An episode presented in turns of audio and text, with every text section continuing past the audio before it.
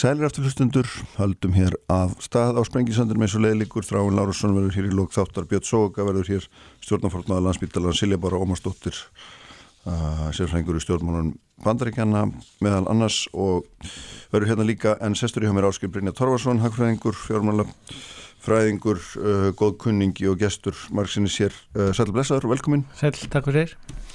Við langaðum að ræða við því hugtak sem heitir og þú skrifaði um sem heitir fjöldþáttakrísa og byggir eiginlega á þeirri hugmynda við stöndum fram við einhverju, einhverju, svona, einhverju krísu sem kemur að okkur öllum áttum. Þetta er COVID, þetta er Úgræna, þetta er ráverðverðsækkanir, þetta er verðbólka, uh, hérna, vaksandi skuldarsöfnun heimila og ríkja náttúrulega í, í hérna, kjölfar COVID-sins og þetta hljómar náttúrulega eins og ég sagði hann þetta er, algjör heimsendarspá.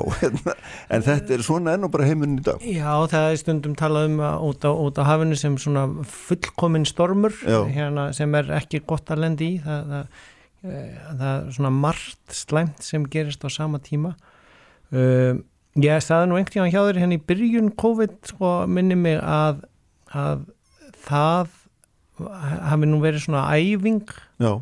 fyrir Eh, lofslagsmána sem væri já, já, ég, máttur, ég glemdi því nú bara í þessari upptalningu við erum búin að hanga yfir okkur lengi og, og, og í raun og veru of lítið verið gerst of seint og, og við erum ekki að losna úr þeim vand og við sjáum það í, í, í óurlega miklum hitum núna, óurlega miklum regningum, óurlega hérna eh, svona óvenjulegum veðuraðstæðum sem hafa líka áhrif á kornverð, uppskerur afraksturinn úr, úr náttúrunni. Já. þannig að, að sem er svona hvað maður að segja, eðlilegum sveiplum hefur einhver áhrif á, á heimsmarkaðsverð á ráfurum og þess að þar e, það, þannig að, að sko, þegar að þetta kemur í raun og veru allt saman við fengum hérna svona litla krísu í upphafi þegar flugfélagi fór á hausin bara rétt rúmlega tvö ár síðan en, já, en það er búið að vera svo mikið af krísum og og svona áskorunum síðan að það gleimist fljótt en þá kom nú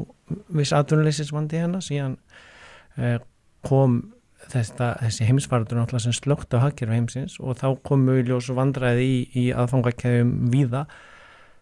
Svo var nú síðast ár bara einn mesti vöxtur og meiri vöxtur en flestir byggust við á mjög mörgum sviðum Já, og, og, og hakkerfi í raun og veru fór hressilega vel í gang og jáfnvel full hratt með að við hvað var búið að slökkva á keðjum eða hæja á flæði við það og, og, og það allir svona ákveðnum hyggsta við að, við að fá vélina til að ganga sérstaklega því að það var, það var slökt á öllum, öllum hérna pörtum vélarinnar. Það var ekki eins og eftir fjármálarsynni þegar Kína held í raun og veru heimsækjörunu gangandi bara með öflugur upplýkingu þegar aðrir hlutar í heiminum voru í mjög mikil lægð eða samdrætti.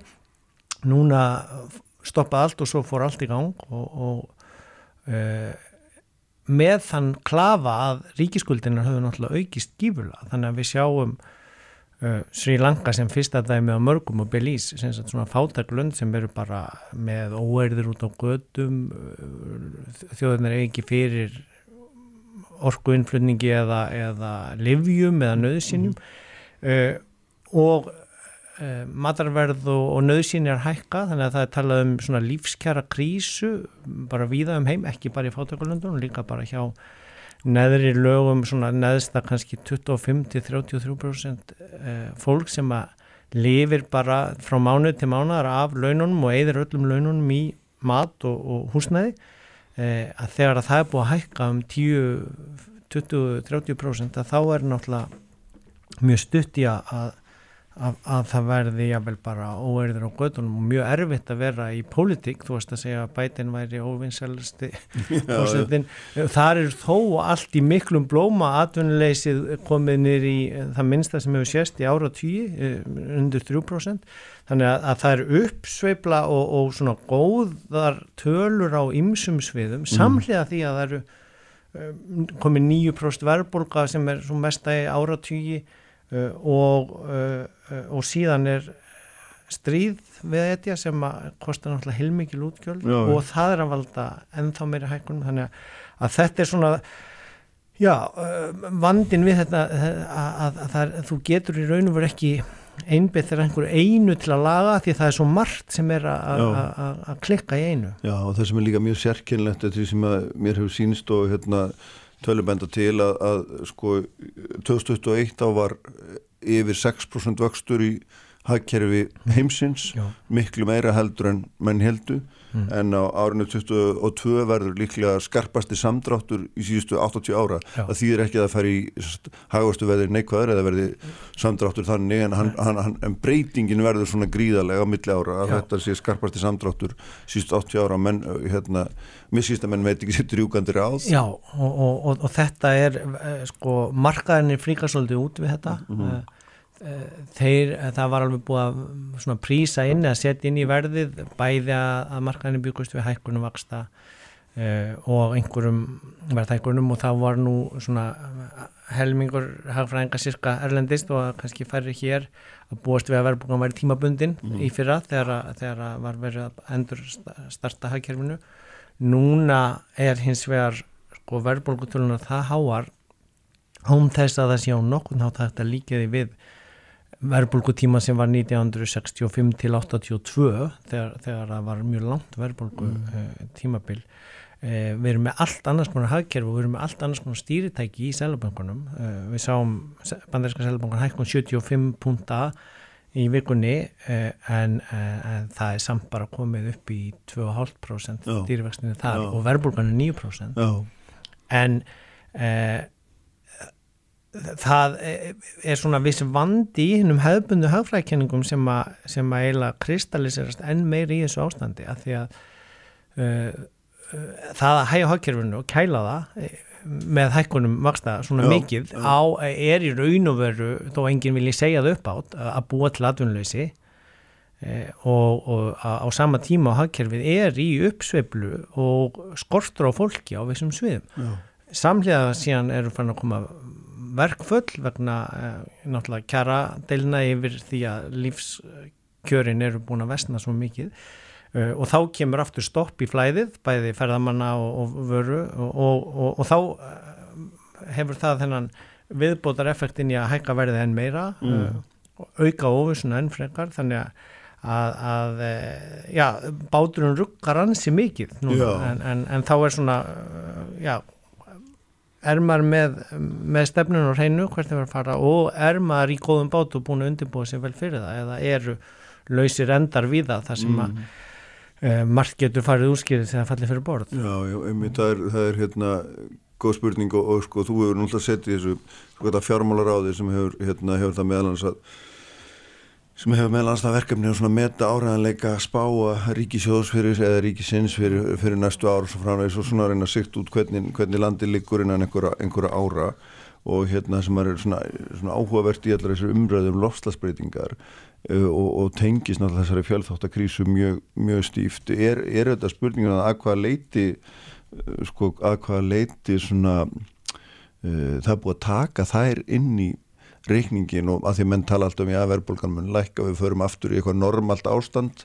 En normalt ástand ef maður horfir bara á lofslagsmálunum þau áhrifum sem þau hafa á hagkerfin er vantilega allt öðruvísi heldur en það sem við höfum verið að upplifa síðustu 20 ára eða eitthvað svo leiðis Já og sko það var nú búið að vera sko það lengi þetta núlvaksta ástand að, að fólk eins og Janet Yellen sem mm. var seljabankstjórubandaringinu og er núna fjármúlar og það er hjá bætinu var farin að tala um að það ætti að vera hætti að kalla þetta óvenjulegar unconventional, óvenjulega peningastefnu og mm. þetta væri raun og veru bara þinn nýja norm Eh, að beita mismunandi og ólíkum tólum, ekki bara þessu eina vakstatæki uh, og við sjáum það úr síðustu viku frá Európska Sælabankunum nýtt uh, svona hérna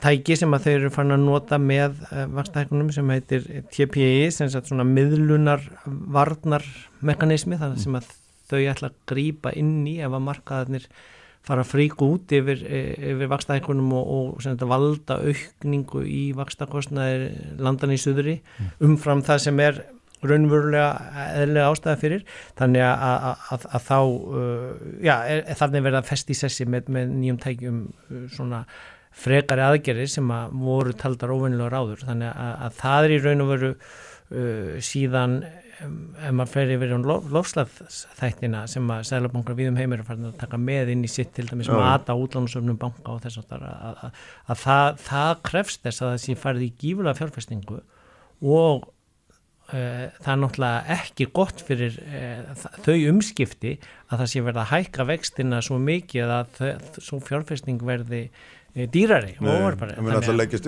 ég ferst inn í tækni að þá hérna verður það og, og en við sjáum líka þar mjög áhugaverðan hlut að gerast eins og hjá Örfskasalbankanum að, að raun og veru að beina lægri vakstakostnaði til bankana í e, þeirra lánveitingar til grænafjárfestinga þannig mm. að þetta er, þetta er e, e, sko var náttúrulega áður fyrr sko, og menn hurfu frá svona á, á mesta frjálsíkjutímanum að það ætti ekki að vera neitt um það sagt, markaðurinn ætti að sjá alveg um það sjálfur svo bara sá hann alls ekkit um að koma okkur í neina mikla grænvæðingu og mm. núna er, er alveg líklegt að það verði enn frekar svona, hvað maður að segja, stýring í það að berga heimlum. Maður sér þetta meiri segi sko skulda úrvinnslu eins og hjá Belize eh, sem að, þeir fengu niðurfælda sína skuldir gegn því að ákveðin hluti af nýja láninu færi í að vernda kóralirifin. Þetta, þetta er algjörlega ný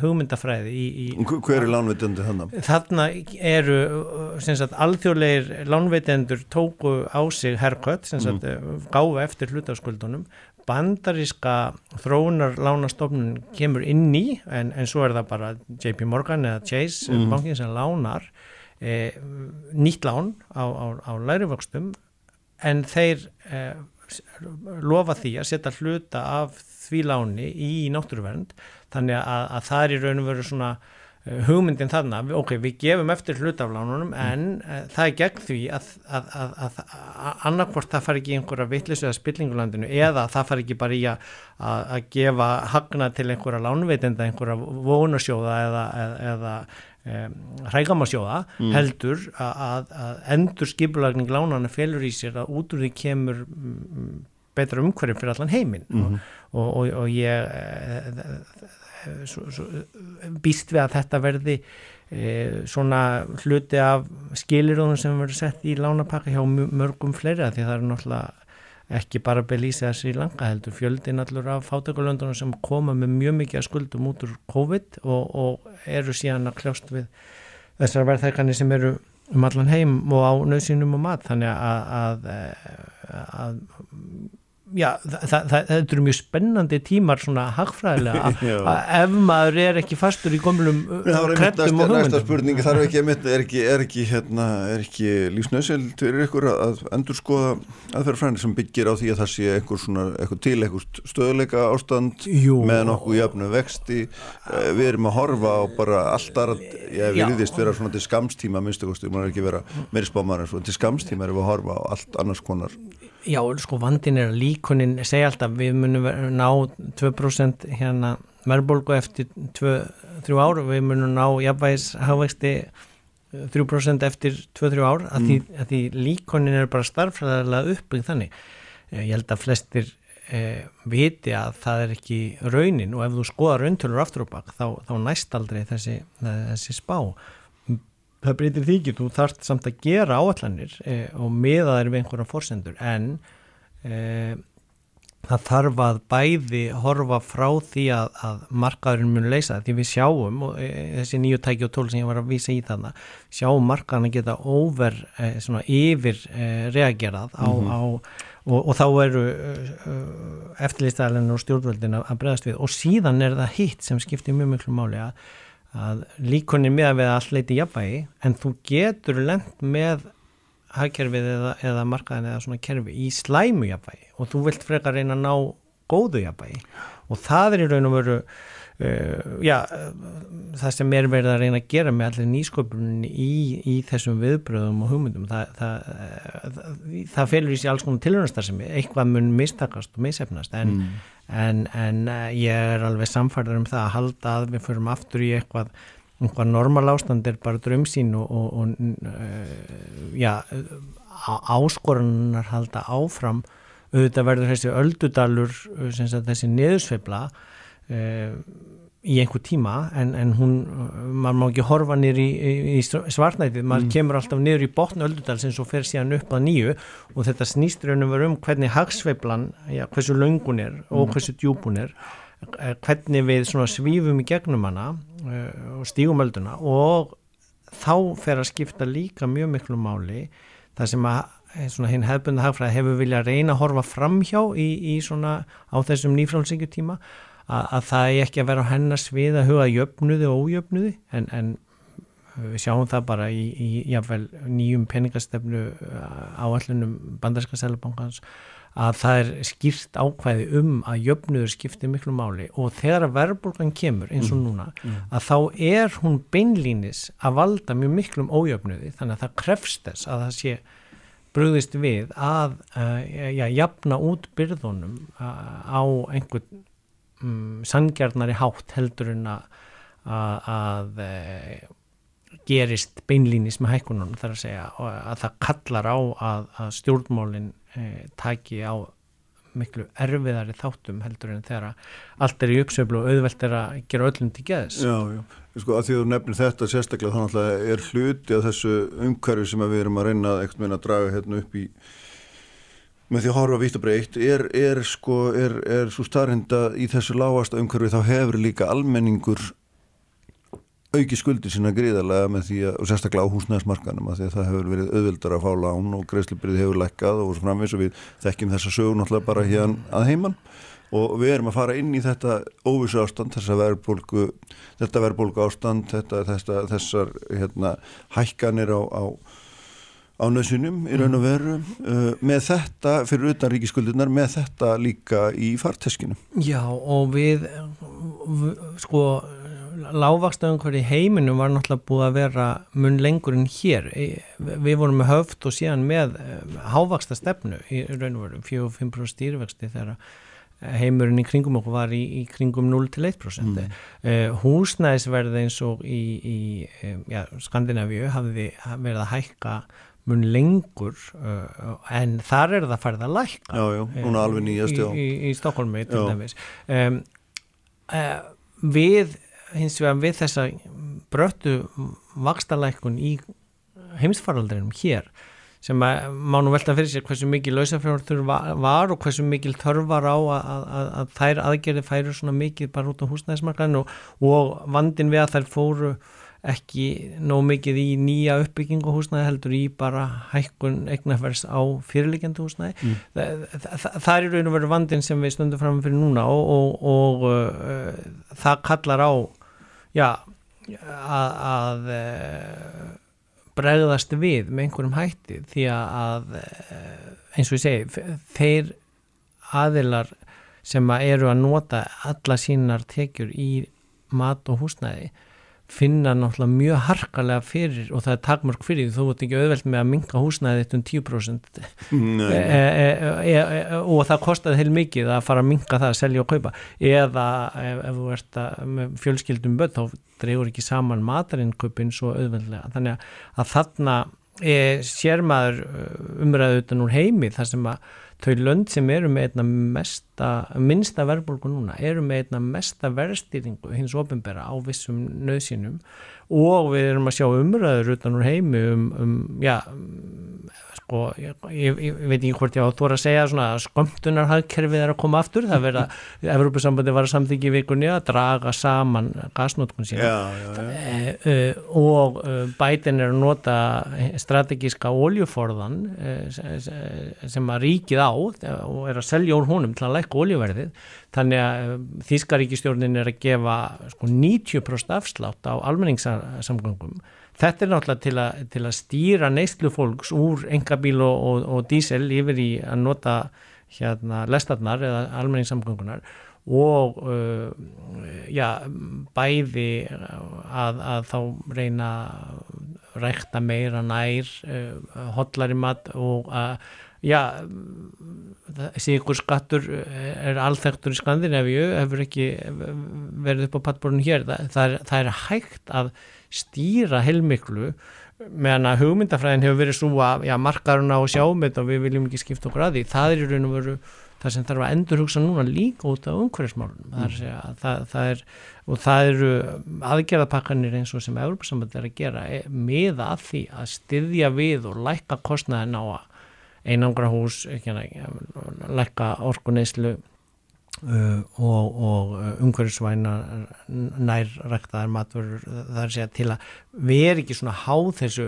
alþjóðavæta í raun og veru of ódýra hérna, ég var að leita að íslenskum jarðabærum út í búð sko en það er bara hollensk sko, það er náttúrulega alltaf ódýrt að flytja jarðabær greinilega millanda og þau eru hægt að rækta jarðabærin hérna upp, í, upp á Kleppjársreikjum það sem ég kifti alltaf jarðabær ég meina það er náttúrulega einhverju, einhverju, einhverju stefnumótunar og, og svona já, aðstæðum sem að við höfum nú að ramagnir til að rækta jarðabær, nú að vatni til að rækta jarðabær En er ekki bara miklu hagkvæmar að rækta þau í Hollandi og þess vegna eru þau ódyrir og þess vegna vilja neytundur eða er það ekki það sem að knýra þetta allt saman áfram? Jú, en það er of ódýrt þá að flytja það með landa, af því ef þú myndir taka inn kostnæðin mm. af kolefnisfótsporunu við mm. það, að gera það og uh, en Hagfræðistofnun var nú í nýri skýslu um þetta nákvæmlega með þetta, það er undir ekki með jæðabæri en grænmyndi, að kolumins hóðspöru verið að flytja inn, inn, inn grænmyndi með, með flugi væri bara svo, og eins með skipum væri bara svo lítill að það svaraði ekki kostnaði að, hérna,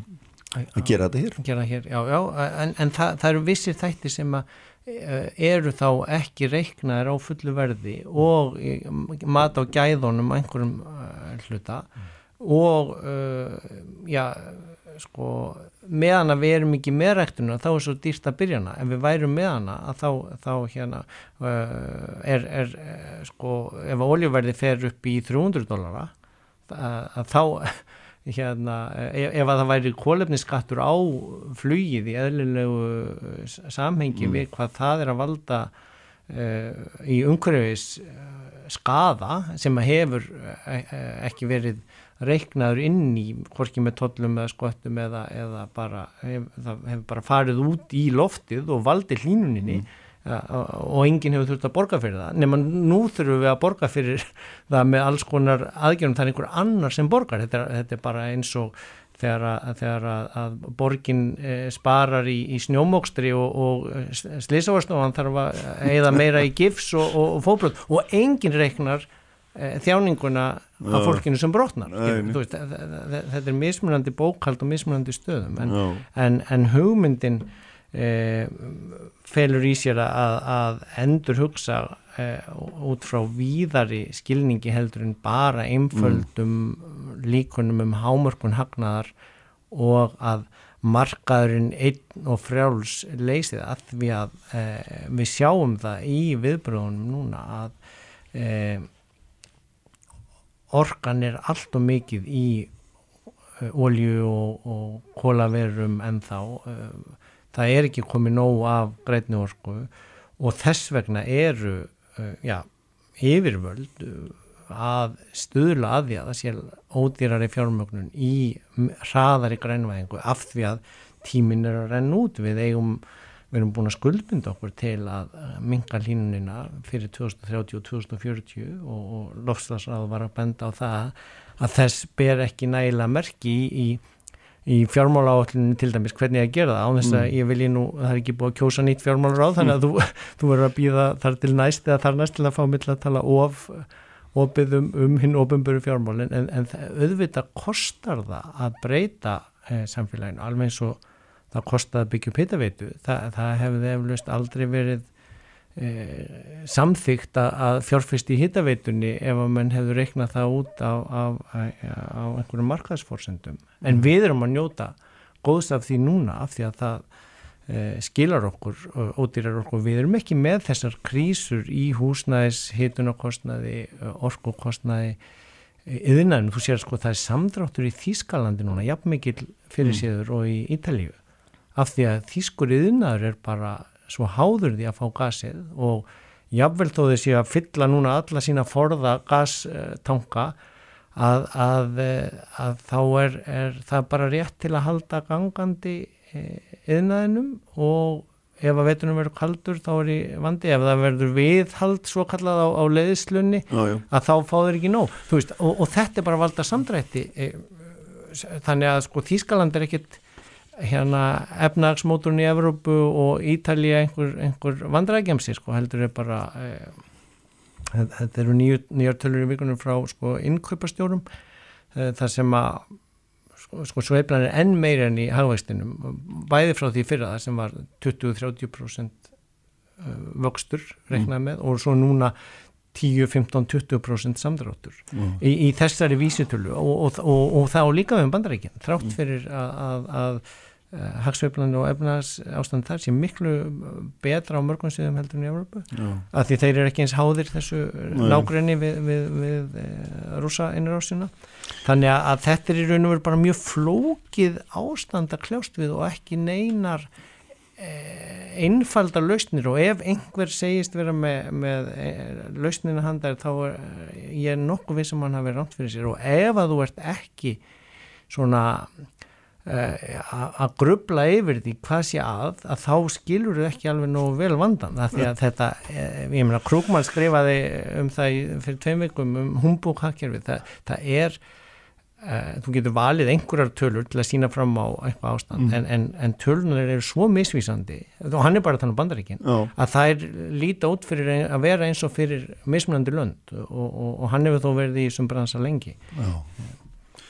Nákvæmlega við skulum hérna skulum láta þessu skilja þetta að sjá um hvernig þessu vindur framáttur ég vissum að við hefum eftir að, eftir að tæpa þessu Efni. Þetta heldur áfram að vera ruggningslegt en, en, en við verðum að halda áfram að horfa á tölunar og reyna að skilja hvað er að gerast Já, nákvæmlega. Takk fyrir þetta hérna, hún verður hjá mér hérna eftir augnablik Silja Bár Ómarsdóttir, svo verður sér Björn Sjóvika og Þráin Lárusson verða hér eh, á 12 tímanum Sælir afturlustendur uh, Áskei Brynja Torvarsson hagfræðingum farin frá mér uh, eftir hérna við vorum að fjalla um þetta þar sem að skilgrindin sem fjöldþátt að krísa þar er margvíslega vandraði sem að blasa við í heiminum og, og hérna eitt af því sem að skiptur um miklu máli eru náttúrulega er politikinn og, og þá ekki síst í bandaríkjunum og í símanum hjá mér núna er Silja Bára Ómarsdóttir sem er auðvitað okkar mest sérfræðingur í bandarískum stjórnmálum.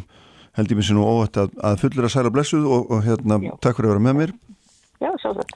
Sko það sem að, svona, vakti aðtikli mín á mig, fannst áhugavert að, að hérna, fá að ræða eins við því, er þetta þessi stað að, að þrátt fyrir þessar yfirheyslur yfir í aðalega kannski embættismennunum úr kvítahúsinu sem að það sem verið er að tengja fórstan þáverandi Trump við, við innrásina í þingursi 7. janúar 2021 þrátt fyrir að það er standi yfir og, og svona varpinu uh, ansi skuggalegu ljósi á, á Trump og allt hans hiski ef svo má segja að þá er, er fórst í bandaríkina Joe Biden sem vann nú sko í kostningarna með 7 miljóna atkvæða mun uh, óvinnsælasti fórst í bandaríkina held ég bara mér sé óta fullir að frá, frá upphæðu samkvæmt mælingum.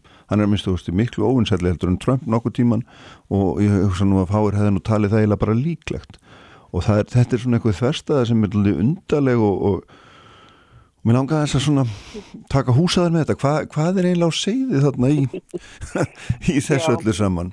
Ég held að uh, trúmann hafi verið óvinnsverðlega. Já, já, ok, gott og vel, gott og vel. Það er drönn bætinu núna. Já. En þetta er rétt þegar, það er, það er nú svona eiginlega upp af mælingar, sko, þannig að, að hérna, já, þetta er, uh, hérna, náttúrulega slæm staða fyrir bætinu að veri, að uh, hann hefur ekki náð flugi eh, eftir að hann, hann eh, tók við ennbætti og, og svona náttúrulega aðstæður eh, hérna kannski það sem að voni stóðu til að, að COVID væri að reyna og að, að efnagskrísan sem að fylgdi því það er því uppsveitlega kjölfarið en, en uh, það náttúrulega það sem að, að kannski markar svona fyrsta punktin að það er þessi ríkalega brottfur, ítla skipilega brottfur bandaríkjana frá Afganistan og hvernig hún kom út og, og hérna, yfirtekka talibana á, á stjórnkernunni þar.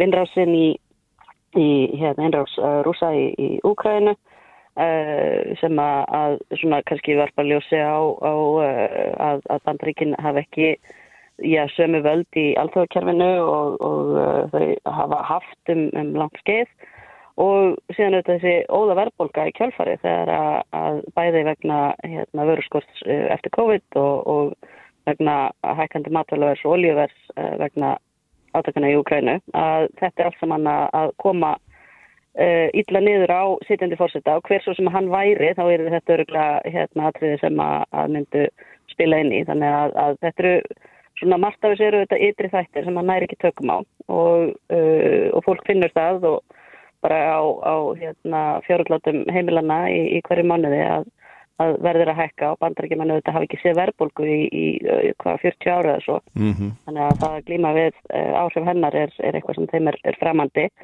þannig að þetta er alls saman sem að, að kemur ítla út fyrir hann og, og þetta er núna fyrir bara stittast í kostningar það eru þrýr mánuðir réttur um mér í, í næstu hérna, þingkostningar. Þannig að þetta hlýtur að vera mikið áhyggjafni að, hérna, að staðan sé svona slæm. Já, en hvernig má það eiginlega vera að sko flokkur sem er og mér skýrst að Trump sé enn með bara mjög tröst tök á, á republikana flokknum. Hvernig má það eiginlega vera að sko flokkur sem stendur í svona erfiðri stöðu eins og þetta mál 7. januar málið er eða hlýtur eiginlega að vera en kannski er það það bara ekki. Hvernig, hvernig getur hann eiginlega borðið sitt bar hvernig getur hann eiginlega staðið keikur og, hérna, og anstæðingarnas bara ná engum, engum vopnum?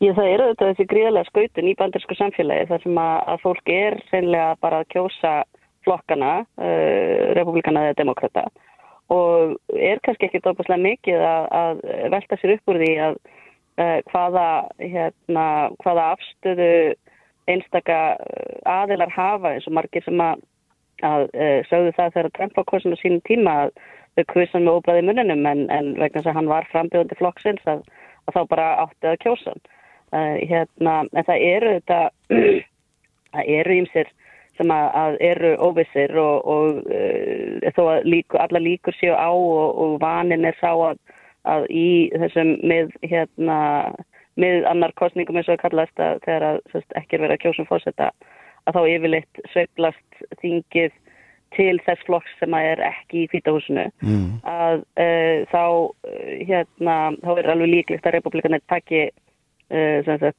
fulltróðdeildina minnstakosti og það er svona jafnar líkur á því að, að demokrater haldi meir hlutanum eða að republikanar takki öldungadeildina líka en fólki er svona að þegar verið að mæla þá er, er svona gerðna spurt um svona óháð því hver er í frambóði, hvað myndur kjósa. Það er að segja, ekki, hvaða, hvaða flokk myndur kjósa uh, hérna á bara uh, bara á flokkslínu mm -hmm. og eftir þessar til dæmis uh, hérna úrskurði hæstaréttar núna í, í, í vor eða byrjun sem að segja að þá hefur svona nálinn aðeins færst yfir til demokratana Uh, vegna þess að meira segja að republikonum svona frekar kannski ekki kannski allar að diggustu kjósundinu þeir svona brá við og myndu jáfnvel ekki vilja stiðja frambjöðanda sem að, að uh, hefur þessa hörðu afstöðu eins og trefntalar uh, eh, fyrir í ymsum málum. Svo er spurning hvort að þetta hafi verið ofsnemt fyrir demokraterna til að kæða á þessu vegna þess að, að oftast á hörvar þetta nú svona svolítið tilbaka Þannig að, hérna, að þetta er í raun og veru bara flokksállista uh, umfram allt og það sem að, að bætan kannski myndi þurfa að reyða sig á með haustinu er sko neikvæð flokksállista að, að fólk uh, kjósi sig frá republikunum vegna ansteðar á uh, hérna, afstöðu eins og í, í dópsúrskurðunum eða vegna afstöðu frambíðvata republikana til skotvapna uh, í kjölfar ársa eins og í Uvalde, Texas mm. uh, núna fyrir árunni og, nei, hérna, en, en það er verið þau óbúslega lítið svona málefnarlega sem getur hreift við kjósundum að öðru leiti þannig að þetta snýst svo mikið um einhverju svona tilfinningarleg viðbröð við uh, hérna við málunum og síðan bara reyna hotlustu og þá er það sko hverjir mæt á kjörstað sem að verður alltaf úrslita aðtrið En sko áðurum fyrir maður aðeins í það er mjög frólægt líka en aðeins, áðurum aðeins að draga tilbaka aftur í það er líka finnst það svo forvittnilegt bara svona sem Európa búið maður segir það og svona horfandi á þetta utanfrá að, að, að sko að Trump vilist vera með republikanaflokkin enþá bara í vasanum. Og maður heyrir valla hérna nokkuð annan nefnt, jú það heyrist nú eitthvað af öðrum nöfnum en hann vilist ennþá vera sá sem er líklegastu til þess að vera frambjöðandi þrátt fyrir það að þessi verið að ljóstra upp um þá staðarindir eða mér sínist það allavega á, á þessum vittnisspörðum sem verið að fara, sem er gefnir hérna fyrir þingnemdini að hann hafi mm. vitað af þessari innrás í í þingið og, og hvað til hennar uh, og, og það vilist vera hérna ofinbjörn lindamáli eða hvað maður á að kalla það. Myna, er, er þetta ennþá þannig að hann, hann er ennþá leiðtögi þessa flokks óskoraður? Eh, já uh, og það er kannski vegna þess að sko allar mælingar uh, hérna þegar verður svona máta hver myndi sigra þegar að, að tveir fram, frambjöðundum er allt saman? Og það stillir upp Trump og Biden og stillir upp Trump og Harris, þú stilur upp Biden og DeSantis eða Biden og Cruz eða einhverju þess að það er þá, þá sigrar Trump. Nei, hérna, sama hvaða demokrata þú stilur upp á mótunum uh, oft mjög tæft uh, það er hennilega held ég sko núverandi staða í þessum mælingum er 43,5% myndi kjósa Trump og 43,4% myndi kjósa Biden, þetta er auðvitað mjög tæft en, en vegna þess hvernig kostningakerfi virkar þá þurfa republikanar ekki endilega meiri hluta atkvæða. Uh, þeir, þeir fá gærnan hérna, meiri hluta kjörmanna þóttir hef ekki meiri hluta atkvæða. Þannig að, að þetta myndi duga.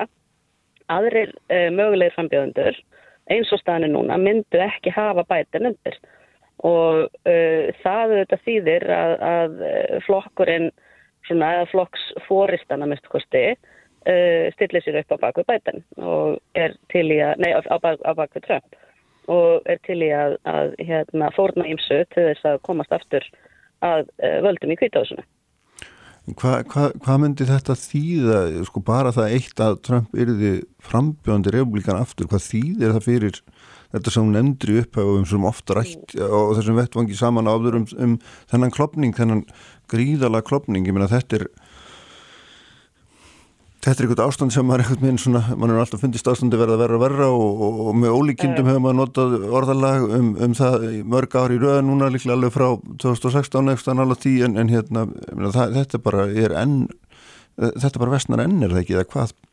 Jú, ég held að þetta myndi hérna íkja enn frekar ef, ef, ef það er hægt skauturna sem er í, í bandarsku samfélagi og, og Eh, það sem að, að eh, ég er alveg að heyra auðvitað hittum að kannski frekar fólk sem að er svona ég með það má kalla það vinstra megin í pólitík. Það eru, það eru hérna, þau sem að ferðast uh, til útlanda og svona hérna ég er allavega að tala um það hvort að ég vilji búa áfram. Ég hitti stóran hóp fólk frá Texas núna fyrir nokkru vikum og og þau voru bara að, að ræða það sko hvort að þau myndu flytja frá Texas eða, eða flytja frá bandaríkjunum mm. ef uh, ástandi held áfram að, að þróast í þátt sem það hefur verið að gera.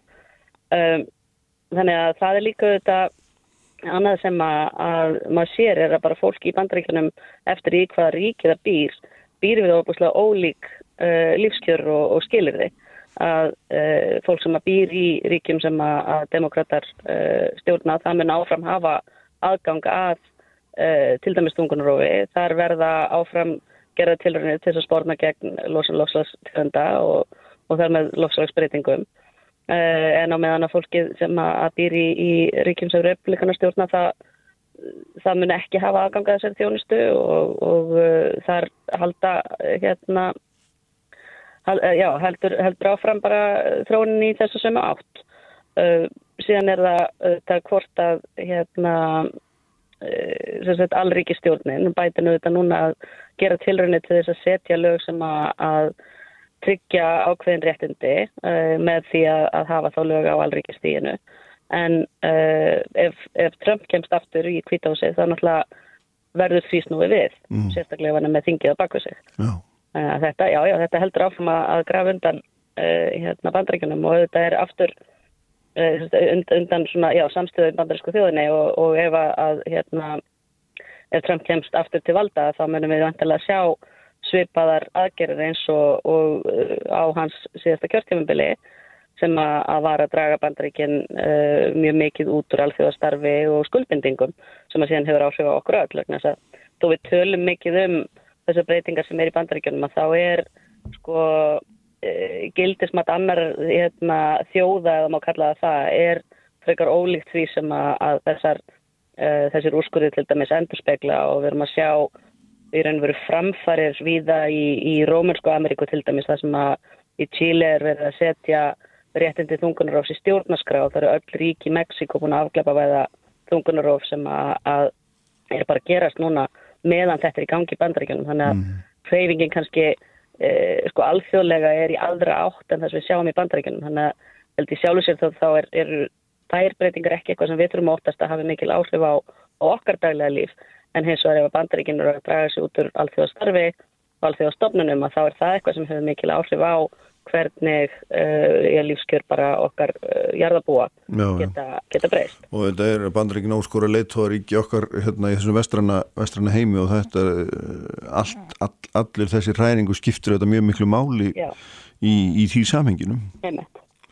En sko eitt, eitt af því sem er líka svo farveitnilegt og mér langaði að spyrja það eins og mér er sko er að hérna sem sagt Demokrátar hafa bundið sínar vonir mikið við á síðustu árum, ég veit ekki kannski áratugum einhverju leiti við sko eh, annars vegar hérna spænskumælandi vandrækjumenn þar sem við gerum köllustundur latinos eða, eða hérna yeah. og hins vegar auðvitað hérna svarta, Black America eins og kallað er og mm. nú verist það að vera að gera sem er ennin svona þverstaðan og undelheitin er það að, að þessir hópar er að hverfa frá demokrátum yeah. og yfir til republikana Já, allan er að byrja að skiptast öðruvísi sko. Já, já, um er, hérna, já, það er ómikið að segja hverfa frá en hlutvöldin er að breytast er?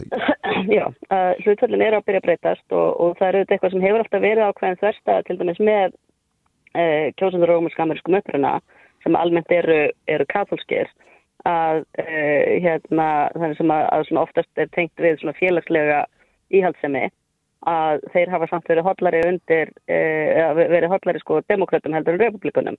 Þannig að það er eitthvað annað sem hefur laðað á að sér og, og sko Jeb Bush til dæmis þegar hann var eh, ríkistöru Flórida að hann hérna vildi að, að, að republikanunir færu í svona endurbatt á sínum stefnum og reynda að höfða meira til kjósenda af rómarskamerskum uppruna vegna þess að, að þeir ætti að eiga miklu meira sameinlegt með republikanaflokknum heldur en demokratum og það eru hópar innan þeirra og þetta er kannski eitt af því sem að, að, að líka er veist, að, að fella allan þennan hóp undir einn hatt er kannski bara of gróf flokkun. Oh. að uh, þau sem eru kúbanskameriskum uppuruna uh, hérna eru líklegri til þess að vera hægrisunni uh, það eru ákveðinir hópar í Texas uh, sem að eru hérna uh, eigarættur í, í Rómansk Ameríku en, en eru líklegri til þess að vera hægra megin við uh, miðju. Þannig að það, hérna, það, það er svona kannski þetta sem við erum farin að sjá að, uh, hérna, að þetta er ekki einsleitur hópur eins og hægt var að horfa á hann bara fyrir kannski tíu árum síðan. Mm. Já, merkilegt. Þannig að það er, það er gríðalegi ströymar að verki og það er merkilegt líka því að bætinn náttúrulega var ekki hinn frægu ummali hans þegar hann var hérna bara rétt eftir að hann var kjörinn Black America I have your back og hérna, og, og hérna þeir eru náttúrulega eh, talsmenn svartræður hættir nú orðaða þannig mm. Eh, hafa þetta hérna nú á þessum nasir og, og segast að upplifa allt annað þegar eftir því sem að Já. á hérna embættstíðans hefur liðið. Jújú jú, og þetta er auðvitað en það, þarna kemur auðvitað hérna líka að, að sko bætin var kjörin af svörstum kjósundum það, það er stöðningur þeirra var úrslita atriði fyrir hann. Já og uh, núna uh, hérna þó að hans er gríðarlega óvinnsverð þá kannski er það ekki úrslita atriði fyrir sko þingkostningarnar en það mun að það hafa gríðarlega áhrif á uh, möguleika hans til endurkjörs.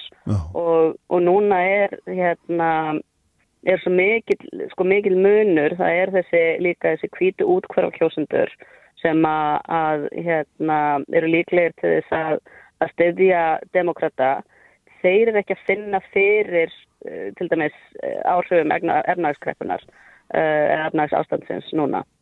En þannig ef að bætin reynir að tala við þá, þann hóp kjósunda, að þá er hann að missa af eða skilja út undan þess að hópa sérstaklega svartra og, og, og fólks á rómaskameriskum uppruna sem að virkilega finna fyrir sem eru gerðan á uh, lagra kaupi, hafa uh, minni formulega mentun að, hérna, og, og eru hóparnir sem virkilega finna fyrir hækkun uh, olíu og, og matvæluverðs og meðan að, að aðri, annar stór kjósundahópur er, er ekki að finna fyrir því. Þannig að það verður mjög erfitt að svona, hérna, koma skilabóðum til begja þessara hópa samtímis.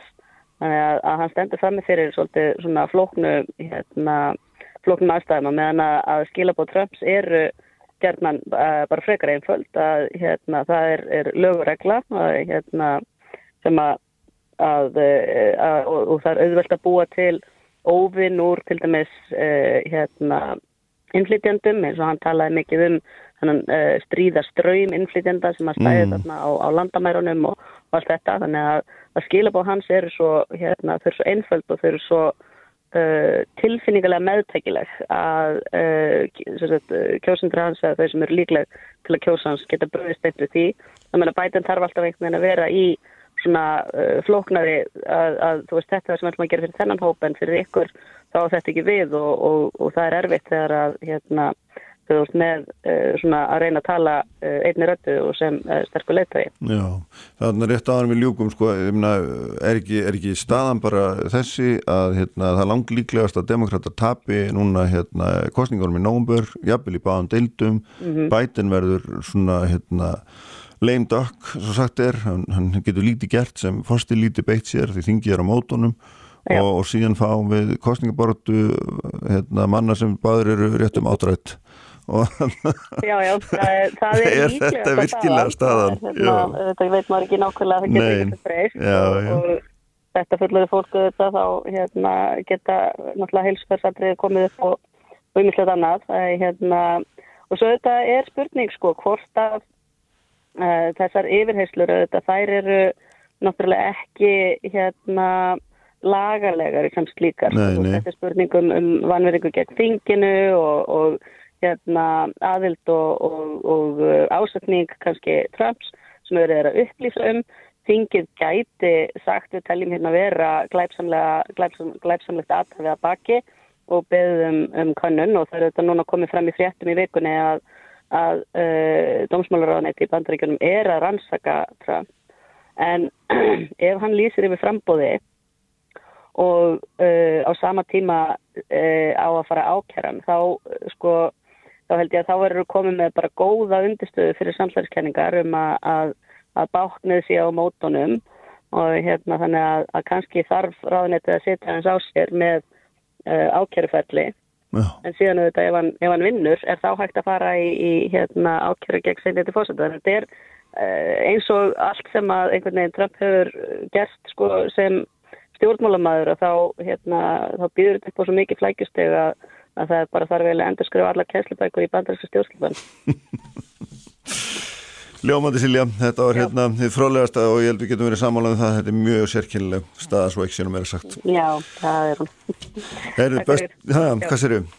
Ég segi bara takk fyrir. Já, takk sem leiðis, gott að hafa þig eins og æfinlega og ég ætla að vera með að Björn Sóega hérna, stjórnarforman landsbítalan sér eftir augnablík Sælir afturlustundur, þá er Silja bara ómastóttir farin frá mér eftir fróðlega yfirferð um stjórnmál í bandaríkunum augnablikinu þar sem að þverstaðurnar blasa nú við öllum sem að sjá vilja. Ég ætla að ræða hérna með Þráin Lárusson, uh, ferðarþjónustu frömuð á Östurlandi hér í lokþáttar en sestur í hjá mér Björn Sóeka sem er auðvitað ný stjórnaforman landsbítan og svo reyndar fyrirvenandi fórstjóru þar fyrir nokkrum árum uh, frá, og er núna hjá Karolinska sjúkrásunu í Stokkólminni í Svíþjóðsæl og blessa Björn og velkomin. Já sæl, þakka fyrir, gaman að koma eitthvað Já það er nú bara gott að fá þig sko hérna, uh, þú er búin að gera allt villaust var snakkur á því með því að lýsa því yfir að hérna, þegar þú uh, tókstu við sem stjórnanformaður uh, landsbítalans að það veri ofmargt fólk á spítalanum. Við höfum nú svona hérna, yfirleitt vanist í að að það verði alltaf fáirðar það hefur verið svona megin þungin í íslenskur umröðu og ég veit að ég er einfald að þetta svolítið ég sé það á svipnum að það líka. En hérna, en þú, þetta er svona hérna, nýtt við þá sem þú ert að koma með. Og þú þarf aðeins að hérna, gefa til þess að skýra hvað þú ert að hugsa. Já, þetta er nú þetta ekki bara mín hugsun, þetta er hugsunum margar annara sem er í, í sömu stöðu en ég held að, að það hafa nú einhverjir um, hvað sé að krytta svolítið það, það sem hefur verið sagt og, og, og svo er þetta, þetta leða löp, löpum pólitík í þetta þá, þá er sannleikurinn mjög fljótandi mhm. eins og allir vita en e, í raun og verið er það þannig að, að það sem við höfum séð að við kíkjum svona lauslega á tölunar og tölur sem við fengum aðræts að taka fram þegar ég var eh, að, að ráðgefandi heilbríðsráð þeirra núna á fyrir mánuðum þessa árs að, að á yfir fjögur ára tímabil þá var það þannig að fyrir hvern star, klíniskan starfsmann sem var ráðinn þá eru ráðnir fjóri til fimm skrifstofumenn Já. og það þýðir oftast, jú, það getur verið þörf og það er auðvitað þörf og, og, og nöðsinn fyrir þá líka og, og alla þá stóðþjónustu sem, sem þarf fyrir fram um, þannig að, að en eh, þegar, þegar spítalinn þeirri stöðu að það þarf að, að, að eh, að segja hagræða stundum kalla, ég segja forgánsraða, mm -hmm. þá forgánsraða maður inn í, í kjarnastarfsminna það er bara eins og öllum öllum, segja, öll, öllum fyrirtækjum ef maður má kalla það fyrirtæki það er alltaf mjög viðkvæmt við þessum pólitískum kretsum að kalla spítala fyrirtæki já, það er bara sumu prinsip sem gilda þar og okkur eftir það ekki að virka þegar að hitt hefur ekki virka En hva, hvað kallar skrifstofum en í þessu tilvík er, er, er við að tala bara um fólk sem er, hérna, er í bókaldinu eða, eða, eða er, hvers konar skilgrin gerða þegar það er alveg ótrúlega tala eða það er rétt að við fjölga um, um hérna fjórusunni meira slíku fólki á löngu tíabili heldur en það sem þú kalla klíniski starfsmenn sem er það vantla þessum sinna sjúklingum þessum sinna beint, já, já. beint eða óbeint jáfnvel um, en það, það er auðvitað alltaf, alltaf svolítið erfitt að, að, að skilgreina sem sagt hvenar þú ert að vinna við það en það er, er, er fólk sem er ekki með kontakt eða svona samband eða við, við sjúklinga hvort sem það beint eða óbeint. Ég er ekki að tala um ég er ekki að tala um þá sem er að vinna stóðþjónustu við það að Nei íta sjúklingum áfram í kerfinu þar að segja um, fólk á göngunum sem, sem flytur sjúklinga tekur á móti sjúklingum aðstandundum ég er ekki að tala um svoleiðis og við, við erum ekki að tala um svoleiðis við, við erum ekki að tala um lífendafræðinga sem eru að sinna sjúklingum þó að það sé bara blóður úr þeim eða röntgamyndur úr þeim nei, nei.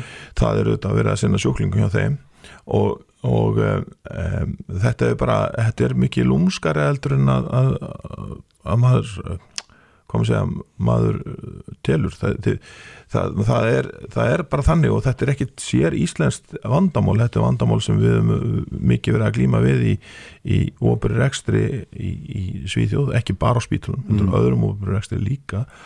Það sem hefur verið reynd að taka á þessu með því að setja eitthvað svona flata niðurskurð á stjórnstíslu eða skrifstofu eða allt þetta fólk er að vinna góða vinnu, það er að vinna eitthvað sem er þarft ef þú hefur eftir endalust af peningum. En þegar þú þart að hugsa til framtíðinar og þarst að leggja áherslu á eitthvað, eitthvað þá leggur áherslu á það sem maður getur kallað kjarnastar sem þú allt hitt séð þart og þurfa að gera en þetta er bara spurningum um forgámsöðun eins og oftast. Hvað hva leiðir af þessari hugmyndum forgámsöðun í þessu tilviki? Já, það eru nokkra leiði það er eins og ég hef sagt uh, þegar að menna vilja kíkja almenna á þetta það sem við höfum verið að skoða og þær tölur sem eru að þetta þarf að kíkja á sagt, hvað já, hvernig var staðan til dæmis fyrir fjórum-fimm árum? Mm -hmm. hérna vorum við þá kannski 400 færri um, og gáttum sindi sem þurft að sinna. Já Var, eh, og þá er hægt að miða við það að, að, að maður bakkar tilbaka og finnur út hvaða, hvaða hlutverk við getum haft í þessu. En síðan er þetta alveg eh, þetta er, þetta er bæði viðkvæmt, þetta er erfitt og snúið og stundum þarf að fara eh, hvað eitthvað einfaldari leiðir sem, sem, sem geta verið vittlisur í en einhvern veginn verður maður að reyna að að laga það þegar það kemur mm. síðan er það sko líka miskilningur að þetta sé eitthvað ákvörðun stjórnarinn og þetta er eitthvað sem uh, fórstjóri hefur valdið og ræður og, en, en það sem stjórnin er að gera er að vinna hugmyndum stuðningi og, og veita e, tölulegan stuðning það vil segja mm. hjálpa, hjálpa að rýna í gögn og, og síðan að koma með hugmyndir og síðan að, að, að ræða hugmyndir við, við, við fórstjóra og hvernig maður vika það út og, og við fyrum sko, sem, sem stjórn og sem stjórnafónum við fyrum ekki inn í það hlutverk sem fórstjóri hefur. Nei, nei, því er náttúrulega fyrst og næst í almenni stefnumótun, það er hlutverk stjórnarinnar og fórstjórin rekur vantarlega fyrirtækið svo við kallum það nú það. Algjörlega, almenn stefnumótun og stuðning Já. við þær ákvæðin sem hann tekur og, og, og svo, svo höfum lögin um, um stjórnirna til til að ný. Þau, mm. það, það eru það nokkur aðrið sem segir hvað við höfum að vera að gera og og, og það munum við gera en, en það vita það allir að, að spítalunum eins og í þeirri stöðu sem er núna líður ekki vel af, af mörgum ástöðum og þetta er ekki heldur bara eitthvað sér íslenskt Nei. þetta er á, á ótrúlega mörgum stöðum í, í heiminuna þar sem spítalunum líður reglulega illa og, og þá er með sko bæði starfsfólkinu og, og það eru bara vandræði sem menn hafa ekki séð áður mm -hmm. Sem eru svona uppsöfnuð uh, ég segja COVID-faraldus uh, dæmi, það eru fólk Já. horfir á hlutinu á annan nátt, það eru mjög margir með af, af álægi eða af því að vera með mikið af sjúklingur sem maður gæti ekkert gert og hafði enga stuðning ættingja þegar þið voru, voru mjög veikir eða, eða, voru að deyja. Þannig að við erum starfsfólk sem hefur farið í hlutverk þess að vera ættingjara því það er ekki neitt annað sem hefur verið hægt og það, það hefur áhrif á sálulífið það eru ágæta rannsóknir sem hafa til dæmis byrst frá Breitlandi það sem þetta er að sjá að 50% þeirra sem hafi e, voru að vinna með gjörgjörðsljúklinga í, í COVID-faraldunum að hafa fengið eitthvað svona posttraumatiska hérna heilsuvarslu vandamál mm, sko. En það sem auðvitað sko það sem er svona samhengi þess þegar þú þú hérna, segir eitthvað þessu, þessu, þessu er, er auðvitað það að þú, þú tekur við hérna á Karlín sko, og það, það, það er frægt þessi saga í Íslandi að þú hefur tekið millilægið og, og hreinsað út. Og þetta voru einhver 500 mann sem að hérna, mm. var það ekki fengur reysipassan og þess, það er þess vegna sem að hérna, uh, menn rekur í róastans og því hvað Karlínska er með svona 15-16 þúsund manns. Og ég held að það er ekki landsbytala með 6 þúsund þannig að hlutverðin er cirka 1.3 ekki stann ála því. Mm er, er, er okkar vandi sambarilegur? Hann er, hann er kannski aðeins öðru vísi en, en, en margt sem að sé sem er líkt þessu mm. um, það, það, það það voru búin að vera árhanna áður nýjötaukvið á Karolínska það sem uh, var mikið af, af fólki að vinna á alls konar verkefnum og svo var það bara látið áfram næstu verkefni og því líkt það var mikið af fólki að reyna að bæta stöðuna með mönnun hjúkurunfræðinga mest e, og það var talið að með því að bæta við uh, fólki þá er þetta að gera störf hjókunarfræðinga léttari en, en uh, það reyndist ekki, það reyndist þvert, þvert á móti mm -hmm. það var uh, búið að breyta skipulæginu tölverst og flækja það all, illilega og, og það sem við gerðum var bara tókum alveg heilt lag í burtu á stjórnundum já, og, og uh, Segðu það fyrir þér að það verður ekki, nú veit ég að þú ert ekki fórstur og hefur ekki þannig séð Nei, ég... allt til þess en ég menna er, er þetta eitthvað sem þú ert að horfa til og þið? Já, það er, það er engin, ekki leindamál að, að, að fórstjórnum hefur líka sagt að það, það þarf að einfalda stjórnskipulega það er ekki, ég, segi ekki gengið sér til húða en það virkar ekki nógu vel á þessar stærða spítala mm. og, og um, En er, er ekki bara sko 6.000 manna vinnustöður bara það eitt og sér gefur manni það hugmynd að það sé mjög erfitt að hafa einhverja yfir sín það sé mjög erfitt að hérna vita nákvæmlega hvað er rétt og hvað er rámt á hverjum tíma. Mm. þetta, er, þetta er bara svo gríðalegt batteri Ég er með 15.400 manna vinnustöð Og finnst þú að hafa full yfir sín? Já, ég, mér finnst ég að hafa það, en það er ekki að því ég er onni hverju einasta máli nei, nei, nei, er maður með gott stjórnumtemi með sig sem maður hefur bæði sortir á og Já. maður hefur stjórnskipulag um, stjórnskipulag sem maður hefur komið að að hanna og svo heldur að hendi mér, ég sé ekki sem person heldur, heldur eins, og ég, eins og við stjórnundum vinnum. Við vinnum, við erum komin á það stegum við vinnum á sama máta. Um, við, ég hitti í hverju viku eh, alla eh, klínisku eh, stjórnendunar á fundi, getur verið 20 myndur, getur mm. verið 40 myndur eftir hvaða málefnin á bögi við, við höfum og döfinni, við höfum þannig að ég við höfum nokkuð góða yfirsýn og ég hef ekki séð það sem máli sko, þetta er, þetta er svona það hafði ekki því að mætti hana þegar, þegar að, að, að, að þá var bara svo flókið að ég bara ekki, það vissi engin hver var að gera hvað, það voru yfirmenn sem voru ekki yfirmenn yfir neinu og svo, mm. svo voru einingar með engan yfirmann og, og ég veit ekki hvernig það er á landsbytlanum ég efast um að sé svoleiðis en, en, en eitthvað þarf aðeins að kíkja á það því að hérna, þó kannski stjórnendum hafi ekki fækkað þá er það upplifun starfsfólksins á, á, á gólfinu eins og ég segi núna uh, það sem er heyrir frá, frá landsbítalunum uh, frá fólki sem ég bæði þekki frá áður og hef heyrt annar stað frá að það upplifist að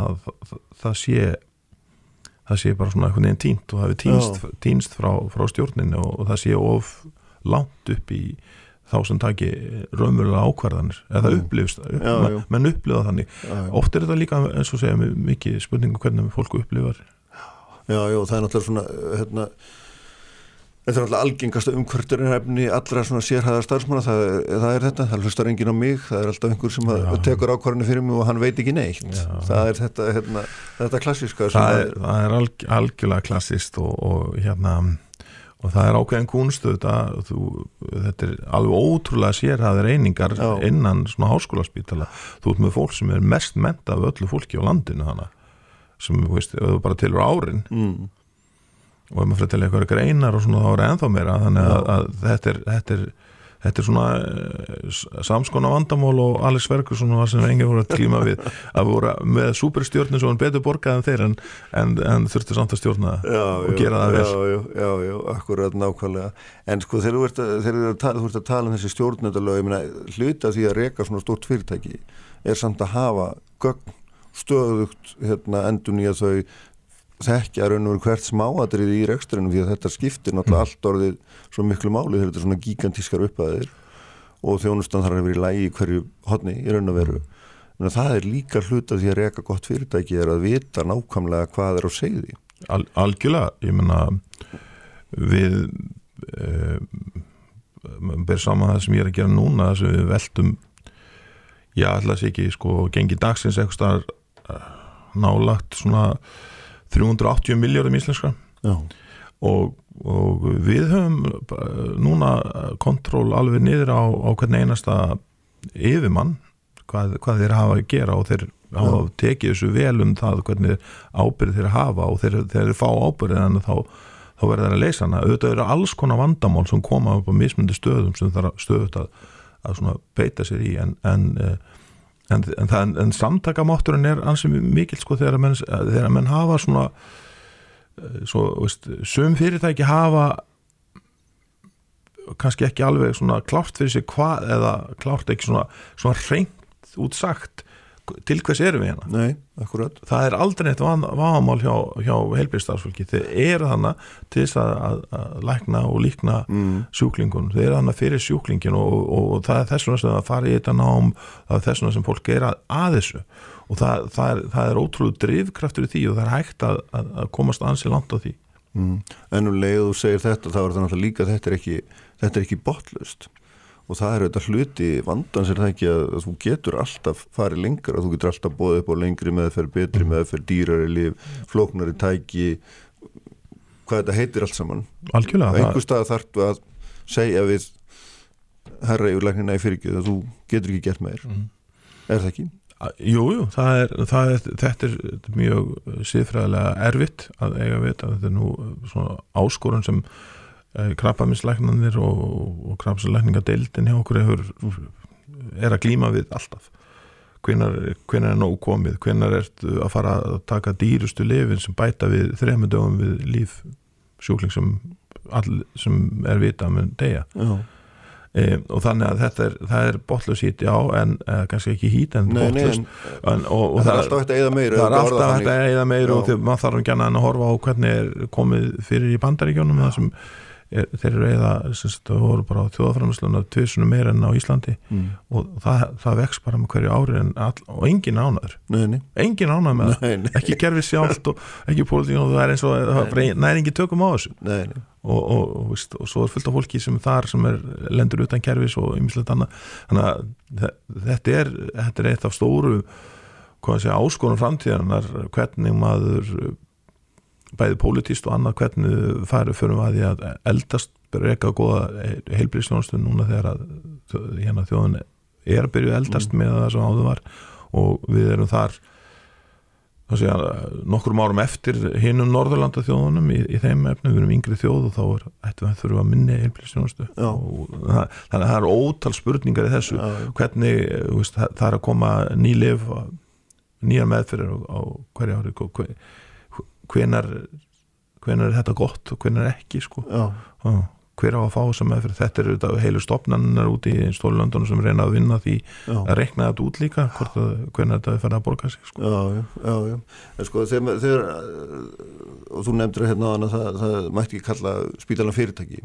Og, og það, það, ég kalla það fyrirtæki. Það getur verið viðkvæmt ef við gjóðum það þannig. Jú. en við erum líka oft með hugdögg eins og, eins og hérna afkost mm framleiðinni mm. og allt þetta, þetta eru hugtök sem við líka mikið notuð í þessari, þeim er að reyna að reikna sér niður og segja hvað er hvað borgar sig og hvað ekki mm. og þessna, hérna, og eitt af því sem maður rekur augun í þegar uh, maður fyrir að skoða sér svona þessa umræðu sem var, hefur verið á Kallinsko eftir að þú kemur þar er að það er afkvöstin hafa greinlega aukist með mikið mm. uh, hérna Og, og, og hérna, uh, það eru fleiri læknisverk unnin per lækni heldur en voru er þetta vandamál hér? Er þetta, er við er þetta eitthvað sem þarf að breyta? Já, því miður þá, þá minnst með að stöðuna með að það er upplýsingar sem við fengum á fyrsta stjórnafundi okkar þá er bara þess, þess að töl ekki ekki fyrir. Já, við vitum þetta bara ekki. Við vitum þetta ekki, þetta er ekki skráð eh, sambarilegt með ára. Það, við bara vitum þetta ekki, það þarf að kíkja á þetta. Við, það er eins og margt annað í, í bæðið reksturinn og útkomi við, við höldum að sé lægi mm. og finnum að fólk er að gera góða luti en, en þú varst nú sjálfur fórstjóri á sínum tíma meina... já, og þá þegar ég var fórstjóri þá eh, breyttum við tölvert og við já. eigum og það er með sér til uh, skísla sem var gerð faktist af McKenzie, ég held að það er fyrsta skíslan sem McKenzie gerði það sem mm. er tók út hvað, breytingar sem við gerðum 2009, 2010, 2011 og sáu framleiðin aukningarna og, og, og þá, þá vissum við hvað vorum að gera.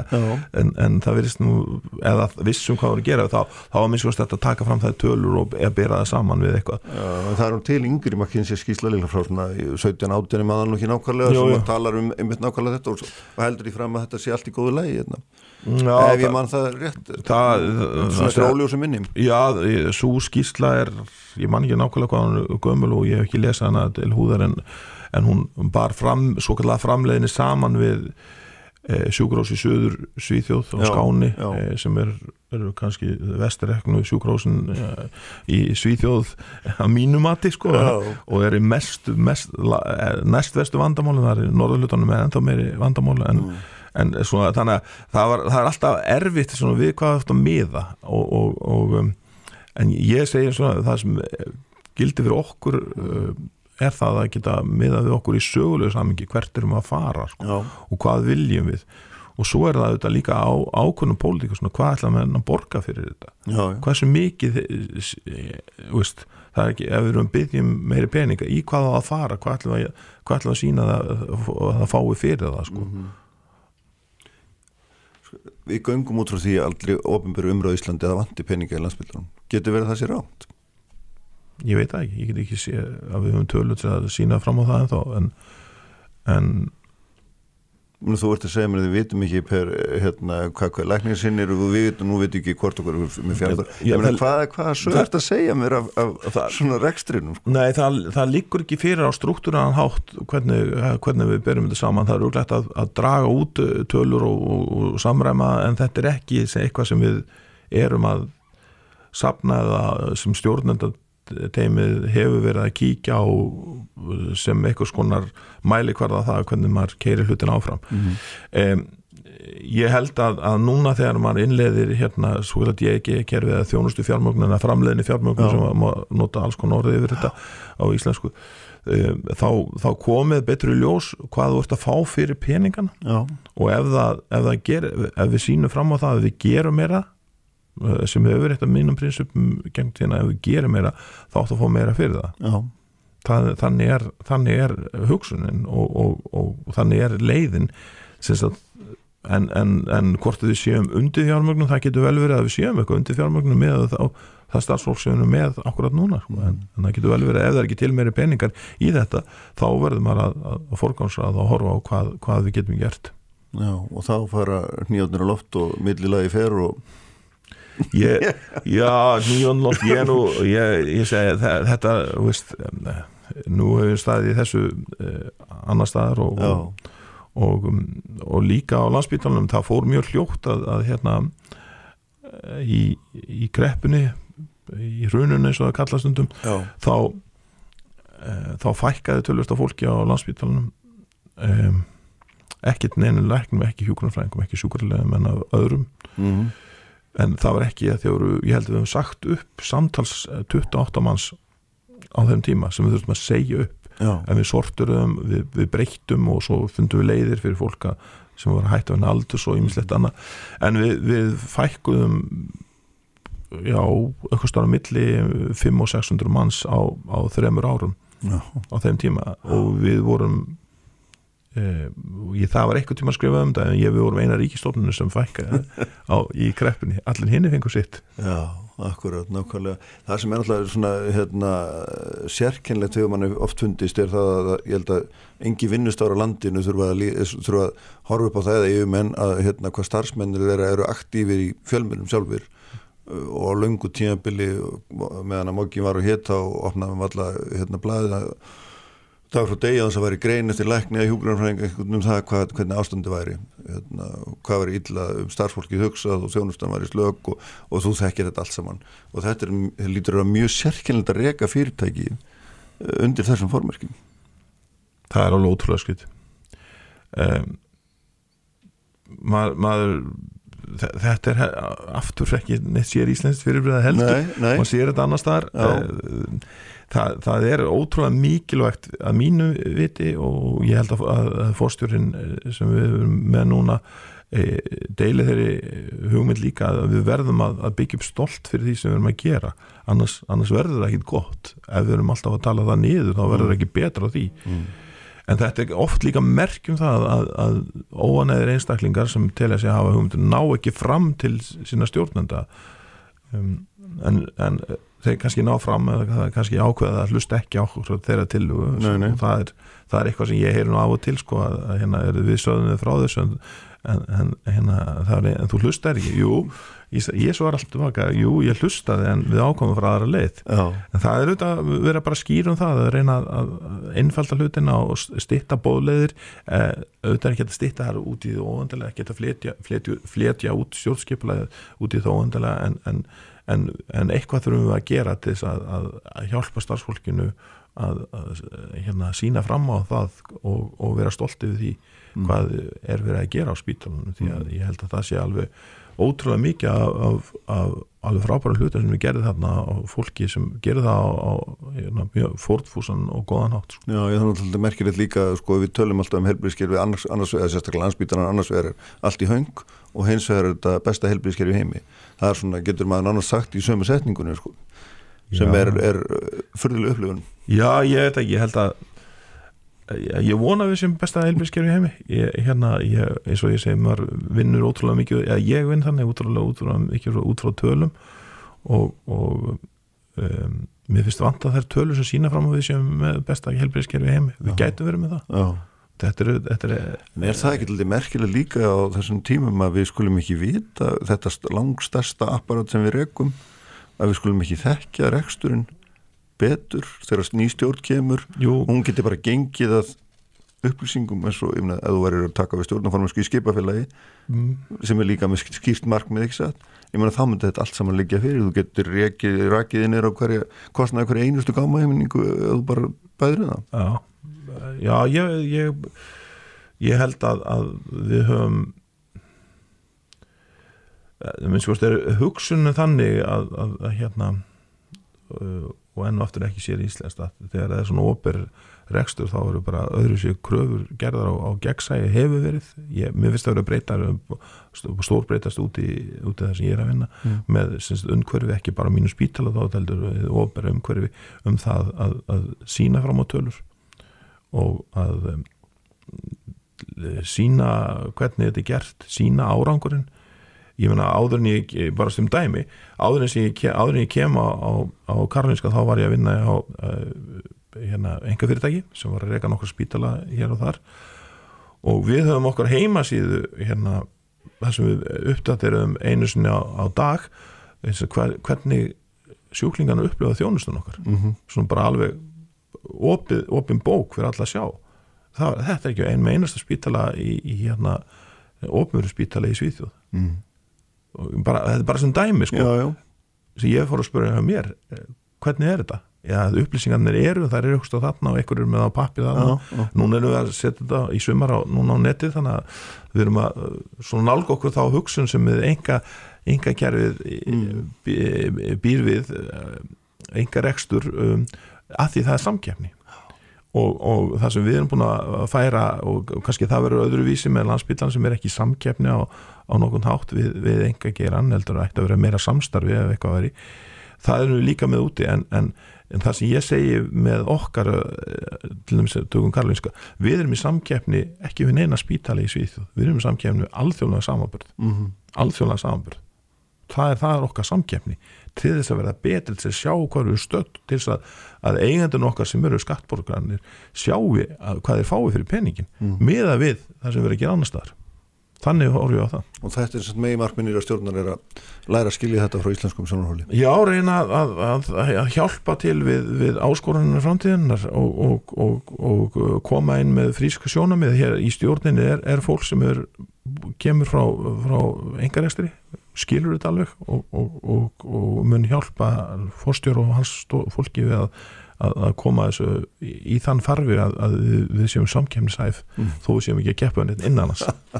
Ljámundi gott, takk fyrir þetta Björn. Hérna, gaman að fá þig og hérna við sjáum hvernig þessu framvindur öllu saman, Þráin Lárusson hérna hjá mér eftir augnablik. Takk fyrir. Sæli hlustundur eftir, þá er Björn Sóvika farin frá mér, eh, stjórnaformaður í stjórnaformaður landsbítalans ég er eftir mjög fróðlega yfirferðum hans. Hugmyndir um, um rekstur landsbítalans og, og þær þau verkefni sem framöndan eru í, í þeim bransanum og það er vist óhætt að segja að þau eru æði mörg.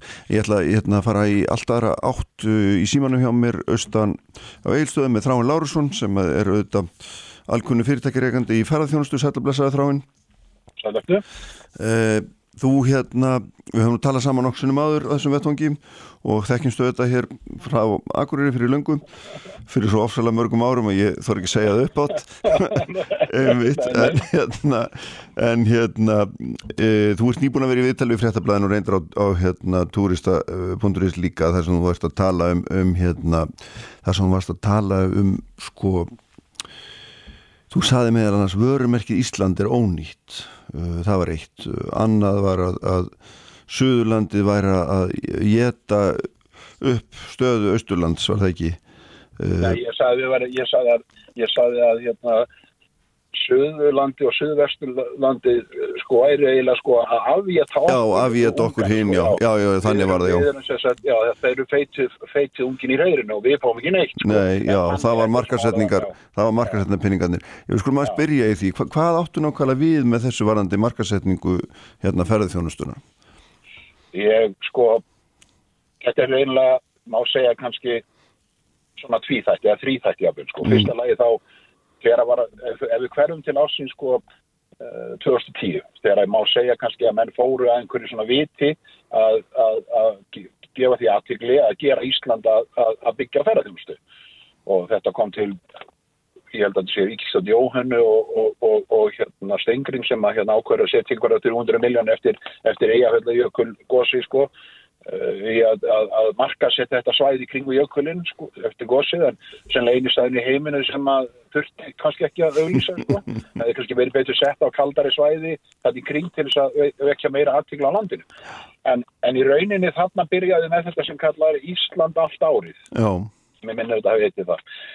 Og þá fóruður að stað með ákveð fjármagn og svo áttu fyrirtækjan að koma með fjármagn á móti þess að það var svo kallað krónu móti krónu En, en það er náttúrulega að segja náttúrulega að þessi fyrirtæki sem er út á landsbygðinni og þessari landsjæstaklega þessari landsbygðinni fjær, þá er ég að tala um eins og Norðurland og Ísland, við vorum ekki að hafa neitt, við höfum ekki bólmagn í þetta. Við, við, þannig að við, við rauninlega fengum engan afgang af þessu fjármagni. Mm -hmm. Og þetta var gríðarlega markasetting sem fór þarna stað og náttúrulega einglindi á að fá náttúrulega á Suðurlandið og Suðvesturhóttnið og síðan hefur náttúrulega þetta gildnað út þessi, þessi ferðarþjónusta á þessu, þessu, þessu svæði. E, og við ekki verið þar í takt og, og, og ég er búin að benda á það í mörg ára að há vara í við þessari þróun einfallega vegna að það kæmis á punktur að við, við bara gætum ekki annað þessu hérna út á landi.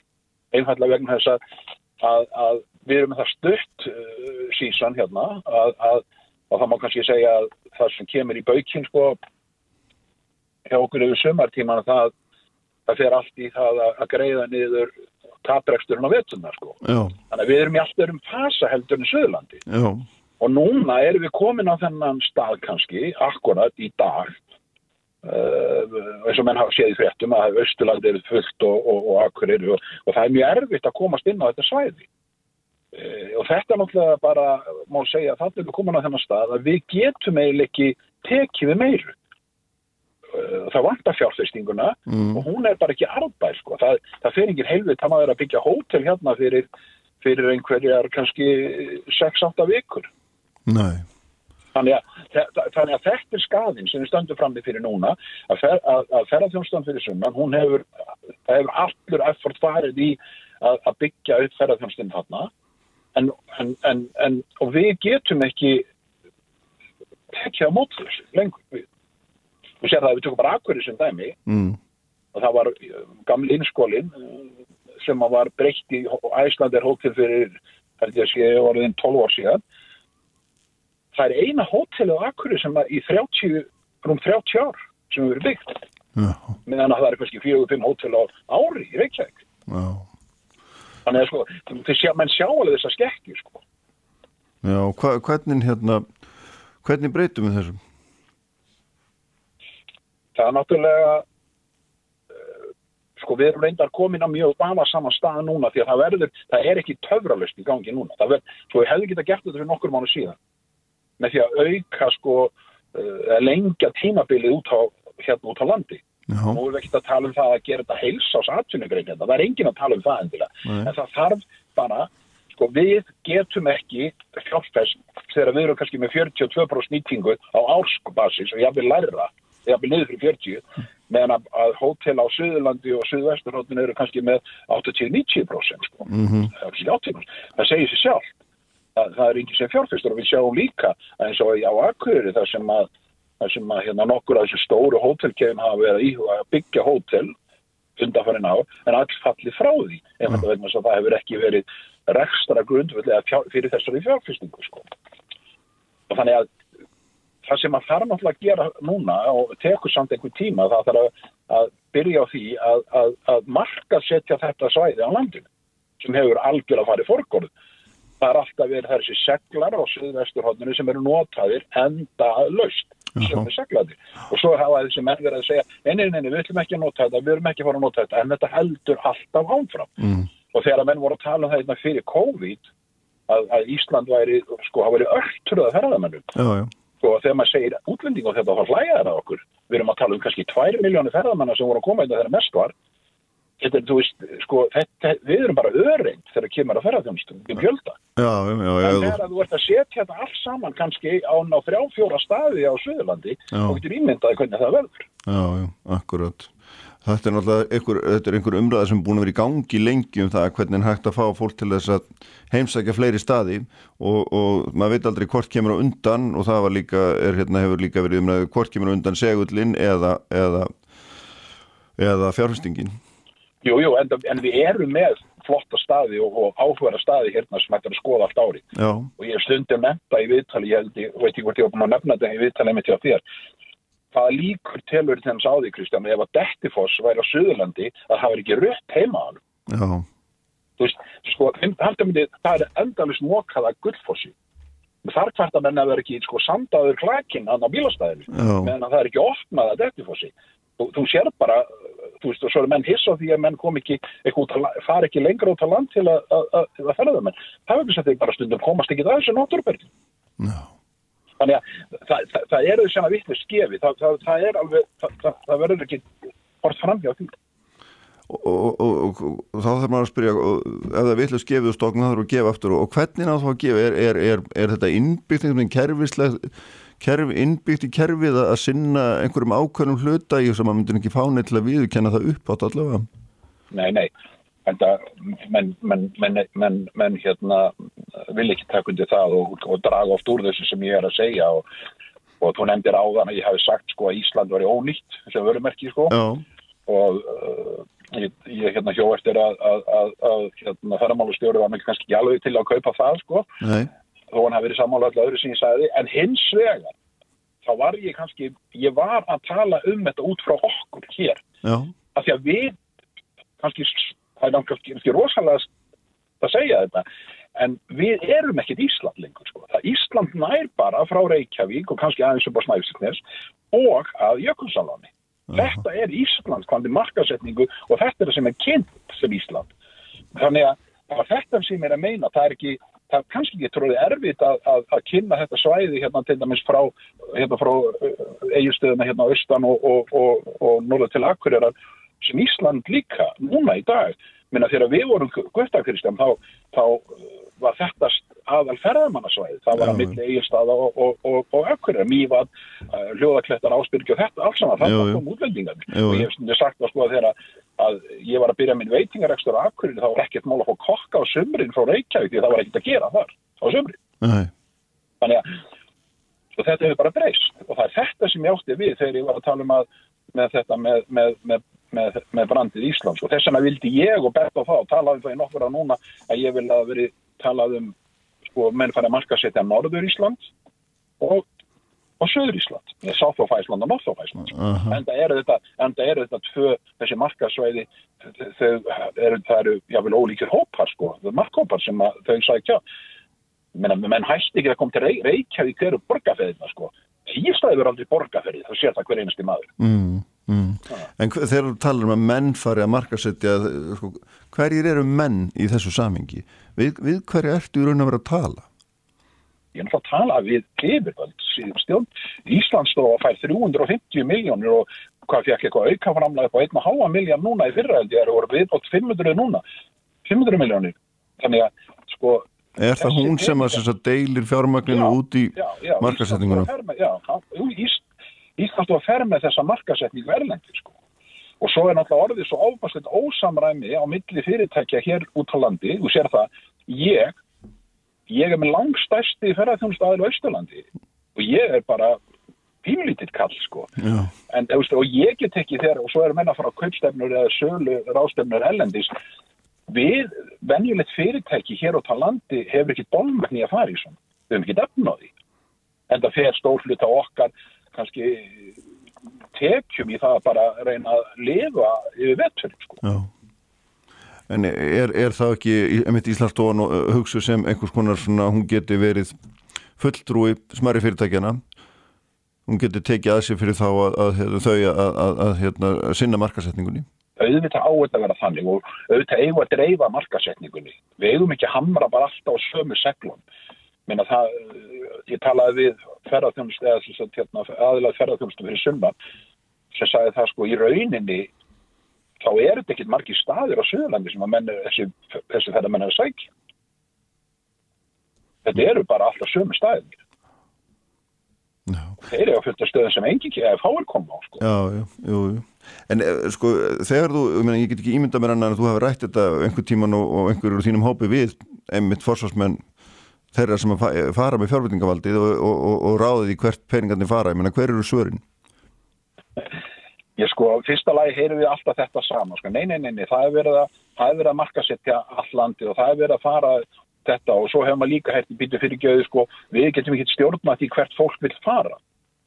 Þetta er náttúrulega, sko, menn átt að segja, verða átt að segja því að, þú veist, það, þú veist, einhver frakki fæðist ekki með þá höfumynd að hann þurfa sér gullfoss og geysi, það er eitthvað sem segir hún með það, mm -hmm. er það ekki?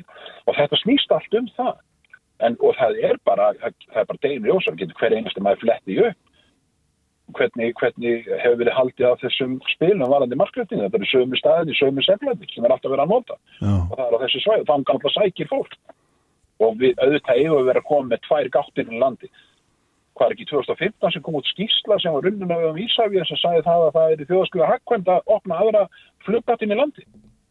Má vera það ekki? Það, ég, ég man ekki, ég held að það var 2015 sem alveg, þetta var, þetta var, þetta var unnið þetta verkefni. Já. Þannig að sko þannig að þetta, þetta, þetta snýst ju allt um það að, að, að mér finnst það, það er kannski bara að, að leggjast yfir að hvernig menn alltaf og mynda stefnu, það er ekki til einn stefna í ferðarþjónustu á Íslandi engin og aldrei verið gerð Mér finnst þess að það hafi verið menn hafi stöður að skrifa einhverju stefnu en það kannski verið að vera að fara eftir þeim Sko já, ég guð mig góður, ég er búin að koma að gera alls konar skýrsna og, og, og, og vinnu í kringum allt í gengum setjum hérna í stjórn Östubúru hérna sem er markastofan hérna Östurlandi og veit maður aldrei hvað verður um þetta þetta verður stjórn í skúf og er aldrei nota sko. mm. og hef ég nú gaggrít þess aðeila fyrir það og einhver tíma vorum við að vinna hérna, stórt og mikið verkefni sem að hérna, fyrir einhverjum fremur að fjórum ára síðan og ég vil fá að vita hvað þetta gera við þetta og þá er mér sagt að nú ætti að nota þetta en ég hef ekki dórið varfið það Sko þegar þú talar um vörumerkið Ísland þá, þá sagt, og maður, maður veldi fyrir sér stöðun í dag